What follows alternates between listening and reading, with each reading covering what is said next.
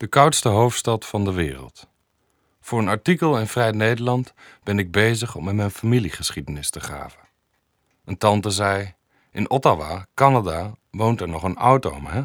Hij is al in de negentig, maar nog scherp van geest. Ik was de man vergeten. Hij emigreerde zo'n 70 jaar geleden naar Canada om priester te worden. Als kind zag ik hem één keer. Om ongestoord te kunnen spreken, belde ik hem vanuit de badkamer. Ik vroeg of ik Nederlands kon spreken. Dat kon. Maar wie ben je, Jonas? Ik verbeterde hem niet, maar legde wel uit wie ik was.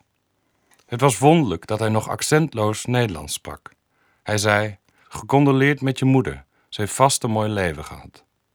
Ik moest hem verbeteren en zei dat mijn grootmoeder dood was. Ik wilde hem graag en snel bezoeken, aangezien we ongetwijfeld veel hadden om over te spreken. Ik was welkom, maar hij raadde me stellig af om in dit jaargetij te komen.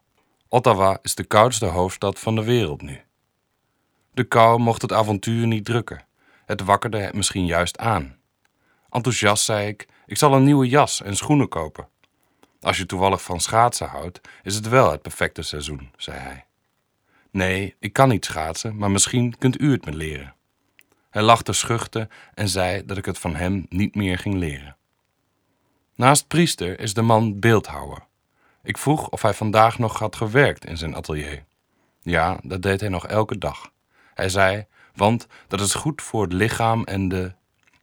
Hij moest erg lang zoeken naar het woord geest. Sigmund Freud zou vast een aanwijzing in hebben gezien dat hij nog maar weinig vertrouwen in de geest had en het woord daarom vergat. Als priester moest hij dat woord toch vaak uitgesproken hebben. Ik hielp en zei: Geest. Oh ja, de geest, ja. Het lichaam en de geest. Of hij zijn vertrouwen in de geest was verloren of dat het mijn eigen hersenspinsel was, zou ik hem vragen tijdens mijn bezoek. Alle andere vragen leken me tijdsverspilling voor een priester.